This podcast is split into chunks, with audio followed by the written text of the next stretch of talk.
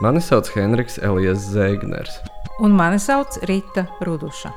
un šis ir podkāsts Balso par kultūru. Cik veiksmīga bijusi Latvijas kultūra politika? Kā partijas piedāvā risināt ilgušās kultūras problēmas? Satorī podkāstu, rakstu, diskusiju un video ciklā Balso par kultūru raudzīsim saprast, par ko atdot balsi 14. saimnes vēlēšanās. Trešais no sērijas rakstiem ir Kārļa Vērdiņa špikotāja atmiņas, jeb mīlas vārdu Latvijas humanitārajām zinātnēm, kas veltīts augstākajai izglītībai un pētniecībai. Tajā lasīsiet par atšķirībām starp studijām Latvijā un ASV, špikošanas kultūru, finansējumu trūkumu un nepieciešamību pēc reformas. Darbie klausītāji, sveicināti Torija podkāstā, balso par kultūru. Šodien esam tikušies ar Ritu Rudušu un Kārli Vērdiņu. Sveiki! Sveiki! Zini, ar ko mēs varētu sākt? Ja reiz par kultūru. Gribētos, lai tu raksturo, kas ir Latvijas augstākās izglītības kultūra. Nu, ja tev palūgtu, piemēram, tādas mirkļa birkas piekarināt uh, tam, lai raksturotu, kāda ir izglītības kultūra, ko tu teiktu, kādus tu vārdus izvēlētos? Nu, es teiktu, ka Latvijas augstākā izglītība joprojām levitē starp tādu postpadomju izglītības modeli, kurā no padomju laikiem varbūt ir mainījies galvenokārt tas, ka vairs nav jāmācās marksisms, leņķisms, un nekas daudz cits varbūt nav mainījies. Un otrā galējība būtu rietumnieciskā, mūsdienīgā izglītība, kādu mēs to redzam rietumvalstīs ar to vecajām slavenajām universitātēm un vispārējo izglītības kultūru tur. Un, ir kaut kādas lietas, kurās mēs it kā tuvināmies šim rietumu modelim, bet īsti mehānismi, instrumenti, kā to izdarīt, manuprāt, ir pieejami nedaudziem. Nedaudziem tie interesē, un līdz ar to šajā kultūrā šie mehānismi nav izplatīti. Nu, respektīvi, tā kultūra ir iestrēgusi. Ja? Ir iestrēgusi, ir lietas, kas varbūt notiek, bet notiek ļoti lēni, ir lietas, kas notiek balstoties uz individuālu entuziasmu, bet jā, nav tāda masveida, kvantitatīva plus kvalitatīva lēciena kaut kādā jaunā kvalitātē. Nu, tu, piemēram, rakstā piemini špike, spikošanu spikerus vairākas reizes. Nu, tas ir tāds atavisms, kas varbūt raksturo to iestrēgušo stāvokli, ja? ka bez tiem nevar iztikt. Man pēc raksta publicēšanas vēl vairāk cilvēki darīja zinām, ka arī viņi bija naski špikotāji un ka šī parādība ir gana plaša. Tiesa, es neesmu šobrīd pēdējos gados īsti lietas kursā, kā notiek studijas Latvijas humanitārajās zinātņu programmās, augstskolās. Līdz ar to, vai špikarus raksta, vai kaut kā citādi špiko, vai kopija peisto no interneta kaut ko, nu, droši vien jau šie tikumi arī mainās. Bet es savukārt gribēju pajautāt, es zinu, ka tu esi sācis pasniegt savukārt mākslas akadēmijā tagad. Un varbūt tāds nedaudz vēl sākuma daļas jautājums, vai tu vari pastāstīt par to, ko tu šobrīd dari? Jo rakstam bija liela rezonance, bet es skatos, ka arī ir daži lasītāji, kas tev pazīst tomēr vairāk kā dzinieku, vai tu vari ieskicēt to savu šī brīža amatu un darbību? Jā, Mākslas akadēmijā Nu, faktiski es tur cenšos izmantot maksimāli daudz to, ko es esmu pats iemācījies Amerikā. Pirmkārt, jau praktikums akadēmiskajā rakstīšanā, ko mēs ar Jānu Ozoliņu lasām doktorantūras studentiem. Un tur tieši mēs cenšamies stāstīt par to, kāda ir pētnieciskā raksta struktūra, kāda ir argumentācija, kā uzrakstīt tādu rakstu, lai to varētu sūtīt uz pētniecisku žurnālu un cerēt, ka to arī pieņems un publicēs. Un visas šīs lietas patiesībā ir ļoti kompleksas, jo tu nevari uzrakstīt labu rakstu, ja tu neesi lasījis tās mūsdienu grāmatas kritiskajā teorijā. Un tu nevari arī teiksim, diskusijā piedalīties, tu nevari uzrakstīt recenziju par citu autoru darbu, tu nevari vadīt nezinu, nodarbības studentiem, ja tu to visu neesi apguvis. Tās ir visas tās lietas, kuras no mums jau pieprasa, mūsu darbu vērtē pēc tā, vai mēs to protam, bet Latvijā tā īsti nopietni šīs lietas, manuprāt, līdz šim īsti nav daudz kur mācītas. Un līdz ar to es domāju, ka varbūt man ar to varētu būt vismaz kādam kaut ko pamācīt. Bet vienlaikus tu strādā arī institūtā, kas ir varbūt var precīzi nosaukumu. Jā. Literatūras, folkloras un mākslas institūtā mans amats ir pētnieks. Tas ir tīri pētniecības darbs. Šajā amatā man nav nevienam nekas jāmācās. Es tikai ražoju pētnieciskas publikācijas. Kuras publicē? Līdz šim ir jau šis un tas publicēts, un es ceru, ka arī nākotnē publicēs. Mm. Man vienkārši nedod miera jautājums par to, kāpēc tev, kā e, šī institūta pārstāvim un zvejniekam, e, kā, kā nākas, ka tā ir mākslas akadēmija, kur tu pasniedz šo burvīgo programmu, kas it kā noderētu visur. Tāpēc, ka Mākslas akadēmija acīm redzot, ir atvērtāka vispār kaut kādiem jauninājumiem izglītībā. Tad vēl es lasu arī daļu no radošās rakstīšanas kursa kopā ar Artu Ostupu eh, maģistrantūras programmā Post, kas arī ir tāds jauns un ļoti interesants Mākslas akadēmijas jaunievedums. Tas ir darbs kopā ar ļoti interesantiem, talantīgiem māksliniekiem, praktiķiem.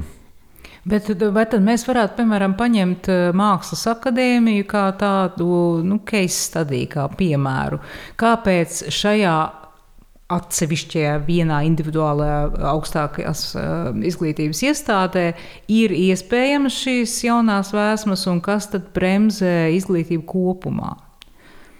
Es domāju, ka Viss ir atkarīgs no atsevišķiem cilvēkiem, no atsevišķu cilvēku atvērtības. Ja Mākslas akadēmijas administrācijā ir cilvēki, kas ir atvērti jauninājumiem un pārmaiņām, kas apzinās, ka ir jāatjaunina izglītības programmas, ir jāpiedāvā studentiem tādas programmas, kuras tos interesē, jo visas Latvijas augstskolas saskaras ar to, ka ja kāda programma ir pārāk iesūnojusi, tad studenti gluži vienkārši vairs nenāk uz šo programmu. Mūsdienās jau tās demogrāfiskās bedres arī nāk un iet un atkal nāk, un, un par studentiem jau būtībā ir jākonkurē un jāpiedāvā viņiem kaut kas tāds, kas, kas viņus piesaista, kas viņiem varētu arī palīdzēt un noderēt dzīvē. Tās programmas tajās augstskolās, kurās pat budžeta vietas netiek aizpildītas, bet paliek pāri, nu tad acīm redzot, ir jāizdara ļoti nopietni secinājumi runājam par šo programmu kvalitāti. Nu tad, eh, no vienas puses ir vajadzīgi nu, teiksim, vizionāri, teiksim tā, ja cilvēki, kuri ir atvērti eh, reformām un jaunām idejām. Eh, no otras puses ir arī vajadzīga godīga pašrefleksija, jo, lai tu slēgtu kādu programmu, pēc kuras nav pieprasījuma, tev tas būtu jāizanalizē, jāveic tāds audits? Slēgšana nevienmēr ir tā labākā opcija, tāpēc ka teiksim, programmas, kas ir saistītas nezinu, Latvijas universitātē ar latviešu valodas, literatūras un tam līdzīgām studijām.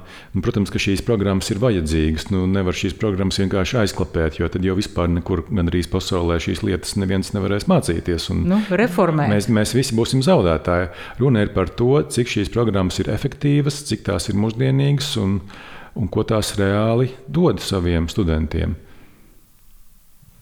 Es domāju par to, ka nav jau it kā nekāds jaunums. Tas, par ko tiek runāts eh, rakstā, tas, par ko mēs runājam šeit, respektīvi, kā tu arī piemini, um, privātās sarunās vai ne virtuvēs un, un, un kur tik vēl ne. Tā bēdīgā situācijas konstatēšana jau notiek labu laiku, bet tādā publiskā līmenī šķiet, eh, šis ir viens no pirmajiem tādiem skaļākiem gadījumiem šis raksts, manuprāt, ko var redzēt pēc rezonanses, teiksim, cik daudz cilvēku ar to dalās, vairāk nekā simts šēru Facebookā un tā tālāk. Vai tā ir tikai mana sajūta, vai tā publiskā līmenī vēl nav tas temats pacelts? Nē, no acīm redzot, Satorija lasītāja ir tāda pateicīga publika, kam rūp šī tēma, bet es arī, piemēram, šogad atceros, ir bijis, man, ja nemaldos, Mākslas akadēmijas pārstāvja Andra Teikmaņa raksts par augstāko izglītību ir bijis, manuprāt, politologa Jāņa Ikstena raksts arī par līdzīgu tēmu. Ir kārtībā reizes nesen redzēju šērotus datus, cik tur to naudu iegulda izglītībā, zinātnē, Igaunijā, Latvijā, Lietuvā. Latvija kā vienmēr tur ir pārliecinošs antilīderis. Ja. Būtībā jau informācija par šīm lietām jau parādās, viedokļi parādās. Tas nav nekāds noslēpums. Katrs, kas ir gājis cauri šai izglītības sistēmai, arī varētu uzrakstīt līdzīgu rakstu. Eh, bet vienkārši, nu, man liekas, jo vairāk cilvēki par to runās, jo, jo, jo, nu, jo vairāk mēs varam cerēt, ka kaut kas notiks. Bet eh, man ir pilnīga deja vu sajūta ar tevi runājot, jo arī runājot par citām tēmām šī paša projekta kontekstā, mēs atduramies pret to, ka tādā augstākajā makro līmenī Mēs neesam nosprauduši mērķi, ambīciju, mēs neesam vienojušies par to, ko mēs gribam un kā panākt to, ko mēs gribam. Mēs būtībā atražojam esošo. Un tas ir gan globāli, visās nozarēs, gan arī kultūrā un izglītībā. Vai tu piekristu tam, ka mums vienkārši makro līmenis nav sakārtots? Mēs atražojam esošo, bet manuprāt, te ir vēl bišķiņa tāda Nu, es nezinu, vai tā ir neoliberālisma domāšana, bet mēs visu atbildību prasām no tiem ķēdes apakšējiem locekļiem. Ja tu kā students kaut ko neesi iemācījies, tad tā ir tava paša vaina un atbildība, un no pasniedzējiem tev nekas nav jāprasa, jo nu, pats liels pats mācies. Ja tu kā pasniedzējs kaut ko neesi iemācījis studentiem vai neatbilst kaut kādām prasībām, tad tas viss vienalga ir tavā paša ziņā. Tev jau neviens īsti, manuprāt, nepalīdz kaut ko mainīt, būt labākam. Protams, ka mēs varam teikt, ka augstākā izglītība ir tāds lauks, kurā valda nezinu, personības un intelektuāļi, un tur katrs pats ir par visu atbildīgs un katrs pats domā par savu pienesumu. Taču sākot jau ar to, ka no valsts finansējums tomēr ir tik salīdzinoši neliels salīdzinājumā ar citām Baltijas valstīm. Un valstiskā līmenī par šīm lietām, manuprāt, netiek pienācīgi domāts un runāts. Kā jau es rakstīju tajā rakstā, tad tikai pātaga kļūst asāka, prasības kļūst lielākas, ko vajag publicēt, cik prestižos izdevumos, kādus tur punktus, par kurām tur publikācijām mēs gūstam, par kurām negūstam. Jā. Kādām tur visām kvalifikācijām ir jābūt. Te pašā laikā tas burkāns, tas, ko mēs saņemam, finansiālais atalgojums, tas ne, nepalielinās, jo, jo vairāk ir prasība, jo mazāk mēs prasībām atbilstam. Bet kā šīm prasībām atbilst, arī nav īsti padomāts. Bet ar burkānu vien jau nebūs atrisināts. Ja, ja tu esošajā sistēmā vienkārši iepludini vairāk naudas, vai tas dos to rezultātu? Nē, mēs to ļoti labi redzējām no traknajiem gadiem, tā saucamajiem. Ja, ka cilvēki darīja to, ko viņi darīja, viņi vienkārši par to saņēma vairāk naudas. Un līdz ar to viņiem bija iespēja paņemt kredītus un darīt citas jaukas lietas, bet, protams, ka šādā veidā tas nestrādā. Tu nevari vienkārši ar tādu trūlu naudas plūsmu ietekmēt. Protams, kaut kādā mērā varbūt arī var, jo cilvēki varbūt nav pārstrādājušies, viņiem varbūt nav jāstrādā divus papildu darbus, studenti nav nomocījušies. Piestrādājot, bet var mācīties. Nu, kaut, kaut, kāda, kaut kāds labums no tā būs, bet es nedomāju, ka principiāls pārmaiņas var veicināt tikai naudas ieplūšanu. Tam ir jābūt kopā ar kaut kādām struktūrālām pārmaiņām, ar kadru pārmaiņām, ar, citām, nu, ar citu vērtību ienākšanu izglītības sistēmā. No kurienes mēs tagad dabūsim tās vērtības, kuras ir? Nu, Pa kurām durvīm? Es gribētu teikt, ka nu, mēs neesam tik unikāli un tik īpaši. Vienkārši paskatāmies, kas notiek Tartu Universitātē, paskatāmies, kas notiek labākajās Somijas un Zviedrijas augstskolās, aizbraucam uz citām zemēm. Un es domāju, ka tur jau uzreiz kaut kāda skaidrība radīsies, kā tas funkcionē. Jo, teiksim, atrodoties Amerikā, ir arī skaidrs, ko es minēju savā rakstā, ka mēs šeit neuztaisīsim to kaut kādu vietējo Ivy League eh, universitāšu modeli, kurā bagāto latviešu bērni par 50 tūkstošiem eiro gadā apgūs šo prestižo izglītību. Ja? Tas tā īsti nebūs. Es domāju, ka mēs rēķinamies ar to, ka valsts būs ļoti nozīmīgs, izšķirošs spēlētājs arī nākotnes izglītības sistēmā, ka mēs nevaram tagad gaidīt, ka mums būs tādas privātās augstskolas, kas ļoti, ļoti augstu šo līmeni uzturēs. Bet Eiropā, tātad citur arī valsts ir ļoti nozīmīgs spēlētājs. Un kas tad ir tie piemēri, jau tevis minētie? Varbūt mēs varam mazliet uh, tuvāk apskatīt kādu no kaimiņu valstīm. Nu, teiksim, kas, kas ir tas, kas strādā? Tartu piemērs, jā. Vai tev ir informācija, piemēram, par kaut kādiem principiem, kas pie viņiem funkcionē, kas mums trūkst, ko mēs varētu nošpikot? Eh, nu, jā, es neesmu Tartu universitātē pavadījis eh, ļoti daudz laika. Es tur varbūt esmu bijis uz konferencēm, lasījumiem. Artis Oštups, kas tur studē doktorantūrā, varētu arī noteikti daudz ko labāk pastāstīt. Bet eh, tas, ko es esmu sapratis, ir, ka ka pirmkārt eh, tur ir lielāka atvērtība starptautiskajiem studentiem un pasniedzējiem. Tur varbūt tā igauņu valoda ir jāmācās kaut kādā mērā, bet tā nav tik noteicoša. Tu vari būt citas valsts students un studēt doktorantūrā Tartu universitātē, arī nezinot igauņu valodu, lietojot angļu valodu kā starptautisko akadēmiskās saziņas valodu. Un līdz ar to šīs studijas vairs nav atkarīgas no tā, vai mēs esam vietējie vai nē. Mēs daudz vieglāk varam tīkloties starptautiskā līmenī, piesaistīt starptautiskus gan studentus, gan profesorus. Bet tas ir arī konkurences jautājums. Ja tu izveido to veselīgo konkurenci, kur universitāte ir arī pati motivēta to līmeni uzturēt augstāku, acīm redzot, mums vēl nav īsti uguns pakulās, lai mēs par to uztrauktos. Ne?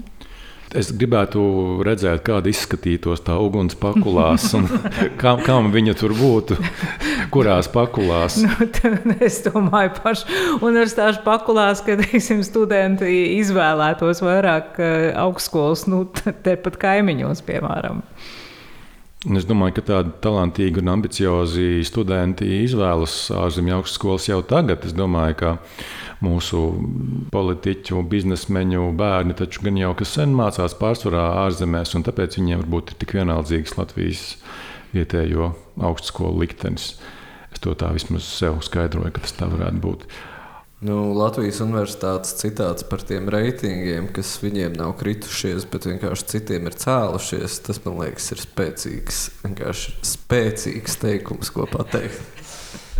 Nu, tad uzreiz eh, tev nekas nav jādara. Ne? Tas jau ir eh, arī jāsaka daudzās eh, nozarēs. Jā. Ja mēs varam tādā stāvoklī turpināt eksistēt, tad tas ir labi. Tev rakstā bija citāts, es atļaušos nolasīt. Latvijas augstskolās būtu nepieciešams fundamentāls pārmaiņas, kuras varētu rosināt atbildēšanu uz jautājumu, kāda ir to pastāvēšanas jēga.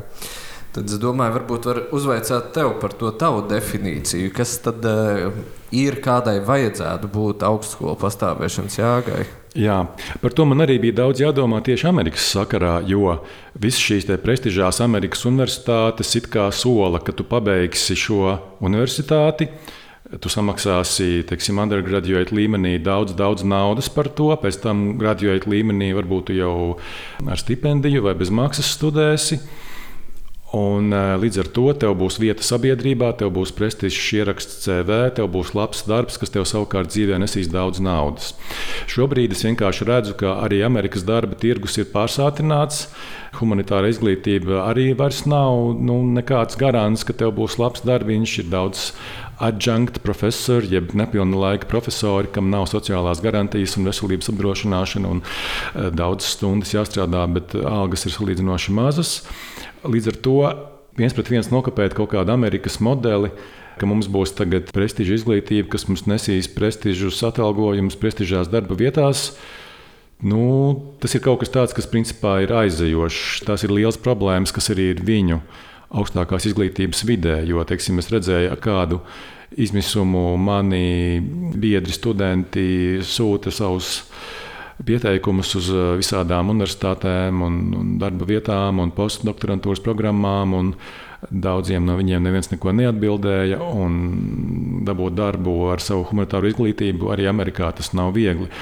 Un jau faktiski no paša sākuma universitātē mums tur Amerikā bija visādi pasākumi, kuros stāstīja, ka darbs akadēmiskajā vidē tas ir labi, bet tomēr paskatieties, ir taču darbs arī ārpus akadēmiskās vides. Tu pabeigsi to savu sešgadīgo doktorantūru, un tad skaties, varbūt ir kaut kāda firma, kaut kāda sabiedriskā organizācija, preses izdevumi vai vēl kaut kur citur, kur tu vari strādāt. Nu, nevajag cerēt, ka tev būs darbs akadēmiskajā vidē, jo visiem tur darba tāpat nepietiks. Tas vienkārši ir realistisks skats uz šo izglītību. Ja?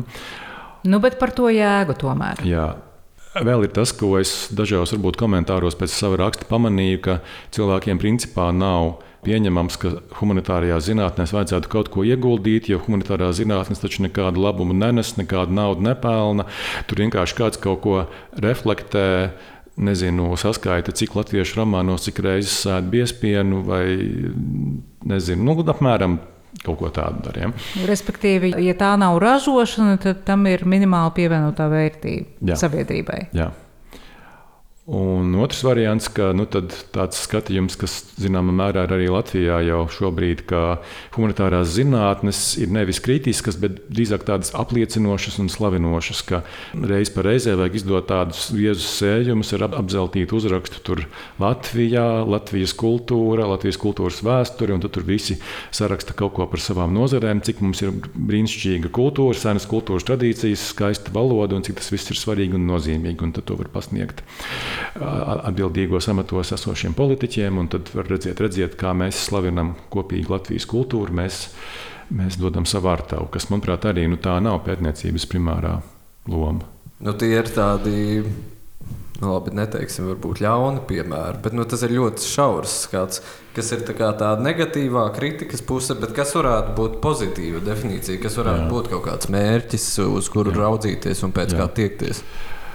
Es teiktu, šobrīd tā kā jēga varētu būt, ka Latvijas cilvēki ir spējīgi reflektēt paši par sevi, par savu valsti, par savu reģionu, par to vietu, kur mēs vispār visi atrodamies un par to, kas ar mums notiek.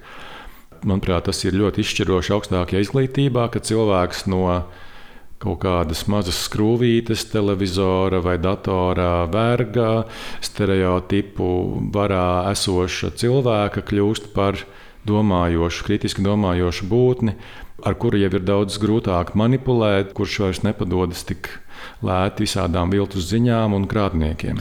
Arī Amerikā man e, vairāk kārt ir teikuši, jā, es nāku no mazas pilsētiņas, mēs tur visi bijām šausmīgi konservatīvi, šausmīgi reliģiozi.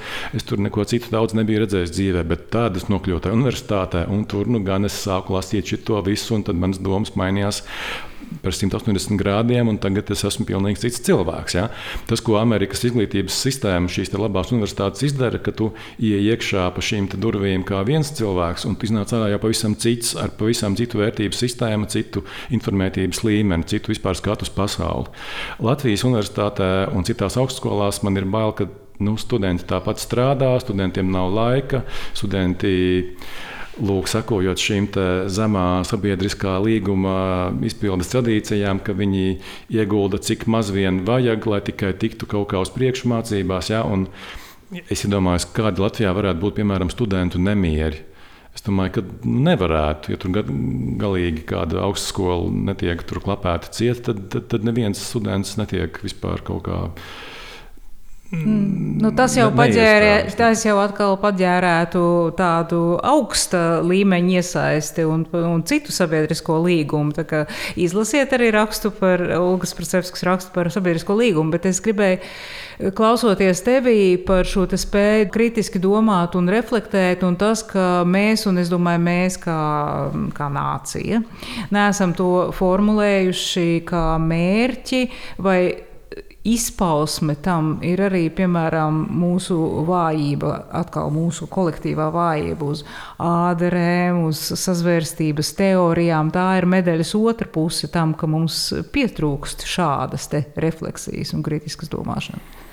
Nu jā, es teiktu, vispār tas, ko mēs varam definēt kā tādu ticību visam iracionālajam, vienalga vai tā būtu reliģija, mitoloģija, dziedniecība, vienalga kas, vai tie būtu visi lielie padomu devēji internetā un visur citur, kas māca, kā kaut ko darīt. Nu, jā, es domāju, ka arī, arī šādā veidā izglītota sabiedrība var uh, augt un pretoties visiem tiem, kas piedāvā vai nu kaut kādus iracionālus izskaidrojumus visam, vai arī populistiskiem politiķiem, kas piedāvā ļoti vienkāršus risinājumus sarežģītām problēmām, bet nu, kā es to jau esmu savā vēlētāju mūžā vairāk kārt redzējis, tad partija uz populismu viļņu iekļūst saimā un izšķīst. Pēc dažiem gadiem atkal nākamais populismu vilnis iekļūst saimā, atkal izšķīst. Un, un vēlētāji visu laiku cer, ka atnāks kāds tas īstais, gudrais, patiesais, kurš atrisinās vienā rādienā visas problēmas. Nu, respektīvi, mums kolektīvi ir zema noturība pret uh, manipulācijām. Mēs visu laiku uzkāpjam uz vienu tā pašu grāmatu. Jā, un nē, tāpēc ka tikpat labi es arī varētu teikt, ka no valdošajām partijām mēs varētu prasīt labāku darbu. Tā neapmierinātība jau nav pilnīgi bez pamata. Un, ja mēs domājam par izglītības sistēmu, Nu, es nezinu, varbūt es maldos, varbūt skatītāji, klausītāji mani palabos, bet kuras ir tās partijas, kas pēdējo 10, 15 gadu laikā ir konsekventi iestājušās par reformām izglītībā, kas būtu patiešām pēc būtības laikmetīgas, nestu labumu, kas nebūtu tikai nu, tādas formālas vai haotiskas. Ir, ir jau kaut kāds pamats neapmierinātībai, to arī nevar nolikt. Jā. Ķīlis mēģināja, vai ne? Viņam bija savs pieejams Bet eh, kāpēc politiķiem mm, trūkst šīs izpratnes? Kāpēc tā nav tāda nacionāla mēroga prioritāte, kā tev šķiet? Es jau pirms tam pateikšu par ķīli. Ķīlis gribēja pārmaiņas, bet viņš bija ar tādu, manuprāt, ļoti anarchistisku temperamentu. Viņš gribēja visu vienkārši uzspridzināt. Un es lasīju Rēņa Tukiša, tava priekšgājējā memoārus par šo periodu, kad viņš bija ķīļa padomnieks laikam. Ja? Un ka ķīlim patiesībā nebija nekādas konkrētas programmas, kas jādara. Viņš vienkārši gribēja no sākuma uzspridzināt visu šo veco sistēmu. Bet šādā veidā vienkārši visiem stāstot, ka viņi ir nekompetenti un ka nu, viņiem nav nekādas jēgas. Nu, viņš vienkārši ieguva uzreiz tik daudz ienaidnieku, ka jebkādas reformas vienkārši apstājās, jo cilvēki neko nedarīja vienkārši tāpēc, ka viņš kaut ko no viņiem gribēja. Uh, jā, bet kāds bija tas jautājums, ko tu man uzdevi? Kāpēc politiķiem pietrūkst izpratnes par izglītības nozīmi? Kāpēc tā nav nacionāla mēroga prioritāte? Jebšu, no otras puses, man liekas, mēs ierakstījām ar Vantu podkāstu. Viņš savukārt formulēja to, ka mēs vienkārši dzīvojam tajā blefā. Un tā ir, man liekas, tāda tik draudīgi, bieži izskanējusi doma kultūra politikas kontekstā, arī, arī visas šīs sērijas ietvaros. Mēs dzīvojam blefā arī šajā jautājumā. Es tā domāju. Blefā kaut kādā ziņā, ka politiķi mums blefo, mēs paši sev blefojam, kā tas ir. Abejādi. Man liekas, abejādi. Jo, nu, skaidrs, ar citiem vārdiem sakot, nenoliedzami droši vien mēs arī tagad runāsim diskusijās septembra gaitā ar politiķiem un prasot par izglītību. Es ticu, ka viņi teiks, jā, ļoti svarīgi, protams, ļoti labi. Bet tomēr tās reālās rīcības nav. Nu, vai arī, ja mēs lūgtu formulēt, un mēs to arī darīsim, varbūt nevajag politiķiem priekšā teikt, ko mēs, ko mēs viņiem jautāsim, bet, bet eh, lai viņi formulētu, kas tad ir jēga, piemēram, augstākajai izglītībai, un es nezinu, cik daudzi no viņiem par to ir padomājuši. Es domāju, ka uz šādu jautājumu var ļoti mierīgi atbildēt, ka Latvija būs izglītotu, um, labklājīgu, inovatīvu cilvēku zemē, kurā visi plauks un dzels. Un, um, kā to izdarīt? To varētu re, no, reparitmā vienkārši atsk atskaņot, jā, jā, bet, bet tas jā. viss izklausās ļoti tukši. Tieši tāpat kā jaunāko kultūras politikas eh, pamatnostādņu nosaukums virsraksts ir kultūra nācija, ja, ka mēs esam vai kultūra valsts izklausās skaisti, bet ko mēs ar to domājam? Nu, tas ir kādu jēgu mēs ieliekam šajā jēdzienā, un šeit arī būtībā atklājas tieši tas, par ko tu runā. Tās kritiskās domāšanas un refleksijas spēja, jo ja tās nav arī lēmumu pieņēmēju vidū, nu, tad attiecīgi mums ir tāds rezultāts. Es nezinu, ideālā gadījumā, manuprāt, vajadzētu radīt kaut kādu no politiķiem netik ļoti atkarīgu spēku, kas nodarbotos ar izglītību, un šajā spēkā būtu izglītības eksperti ar kaut kādu starptautisku skanējumu. Mēs nu, nevaram gaidīt, lai katrs Latvijas saimnes deputāts tagad būtu ļoti iesvaidīts šajās lietās, nu, par ko cilvēki balso, par to viņi balso. Nu, nav tur visi izglītības, vai medicīnas vai citi eksperti. Būtu vienkārši jāsāk kaut kāds process, kad tiek radīts kaut kāds alternatīvais modelis tam, kas ir šobrīd. Nu, tāda kā domātava, kurā, kuras uzdevums ir attiecīgi domāt gan par jēgu, gan par ambīcijām, kur mēs gribam būt. Mēs... Komisija. Komisija, nē, nu, es apzināti nelietoju vārdu komisija, jo komisiju vēl sliktāk būtu darba grupa. Jā. Nu, vēl ir padome, un padomas ir parādījušās arī Mākslas akadēmijā, piemēram, vai ne? Jā, un cik es dzirdu no nostāstiem, tad šīs padomes sniedz savu ieguldījumu šo iestāžu attīstībā. Es domāju, ka tām var būt ļoti pozitīva nozīme. Bet nu, es domāju, ka šīs padomas nav tādā pozīcijā, lai viņas fundamentāli domātu par Latvijas izglītības sistēmu kopumā. Nu, tas, tas jau droši vien nav īsti viņa kompetencē. Lai gan, protams, ka ja Latvijas universitātē sāktos kaut kādas nozīmīgas tektoniskas pārmaiņas, tad tas noteikti ietekmētu visu Latvijas izglītības sistēmu. Bet varbūt tas ir modelis, ko var uh, vienkārši pārņemt, domājot arī lielākā mērogā. Nu, teiksim, ir au, konkrētai augstskolai padome, uh, bet eh, tikpat labi var būt arī padomu, kas domā par augstāko izglītību kopumā. Jā, protams, bet tikai lai tā būtu tiešām starptautiska padome un lai tam izdomātajiem pēc tam nāktu līdzi arī nauda. Citādi domāt jau var visu ko. Bet kā panākt to, lai Latvijas valsts investētu ļoti nozīmīgus naudas resursus arī šajā izglītībā, nu, tas ir vēl solis. Mēs varam izdomāt visbrīnišķīgākos modeļus, bet kā mēs tagad pateiksim, ka nē, mēs tagad atņemsim kaut ko medicīnai, mēs atņemsim aizsardzībai, mēs atņemsim pensionāriem un visiem pārējiem un, un dosim tādai brīnišķīgai augstākai izglītībai. Es eh, pieļauju, ka tas varētu arī skanēt. Šī brīža prioritātes ir citas. Ir karš, eh, ziema būs grūta, komunālie maksājumi būs augsti un tā tālāk. Un līdz ar to, to izglītību es pieļauju, ka kāds varētu arī minēt kā zemu prioritāti. Bet vai teiksim, šobrīd tik politiski sarežģītos, smagos apstākļos, sliktā situācijā, arī ekonomiski visticamāk, domāju, būs tā grūtā ziema? Kāpēc šādos apstākļos kultūra un humanitārās zinātnes ir svarīgas? Redziet, ja mēs visu vērtējam tikai no, piemēram, ekonomiskā izdevīguma, tad tas, kas tagad notiek Eiropā un pasaulē, vispār nav saprotams. Ja, tad mēs varētu teikt, nu kā nu mums vajag Krievijas lēto gāzi, lēto naftu, un mēs darām visu, lai tikai viņus tur nesatrauktu, neprovocētu, lai tikai pumpē savus labumus mums. Un, ja viņiem gribas Ukraiņu, lai viņi ņemtu Ukraiņu, ja viņiem gribas Grūziju, lai viņi ņem Grūziju vai jebkuru citu Moldovu, vienalga ko, lai tik viņi pumpē savus labumus. Un mēs šobrīd pasaulē ļoti labi redzam, ka ekonomiskās intereses um, iet varbūt bieži vien pretrunā kaut kādām vispār humanistiskajām, vispār cilvēciskajām, politiskajām interesēm. Un visas šīs lietas, principā, tas ir humanitāro un sociālo zinātņu lauciņš. Tev fiziķis vai ķīmiķis tā īsti nepateiks, vai mums vajag atbalstīt Ukraiņu vai nevajag.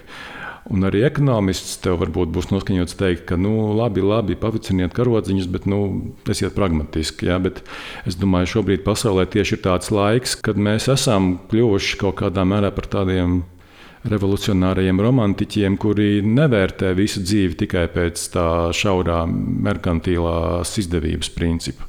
Un mēs esam šobrīd morāli gatavi, ka būs smaga ziema, bet mēs zinām, kāpēc tā būs un ko ideālā gadījumā, ko mēs varam panākt, visi kopā mobilizējoties, izturot šo smago ziemu, kaut ko zaudējot, bet te pašā laikā iegūstot kaut ko varbūt daudz būtiskāku ilgtermiņā. Nu, lūk, tieši šeit mums ir vajadzīgi tie eh, kritiski domājošie eh, prāti un tie, kas spēj reflektēt, ja, un attiecīgi novērtēt lietas kontekstā un atgādināt mums par vērtībām, zem kurām mēs esam parakstījušies un tam līdzīgi. Vai ne? Jā, tieši tā. Bet es domāju, ka Latvijā vienkārši šobrīd varbūt vairāk tiek izspēlēta tā nacionālisma kārta atkal kara sakarā, kad Ukraiņas neatkarība ir apdraudēta. Ukrāņi ir nacionālisti, mēs esam arī nacionālisti, tāpēc mēs atbalstām ukrāņu nacionālistus. Bet šīs, šis karš nav tikai par nacionālismu, šis ir karš arī par nu, teiksim, demokrātiju, par rietumniecisku kursu, rietumnieciskām vērtībām, nosacīti tā, vispārinot. Ja. tur ir daudz citas lietas. Galu galā, piemēram, šobrīd Zelenskis arī nesen ir paziņojis, ka viņš ir gatavs virzīt uh, civilu attiecību likumu ja, Ukrajinā.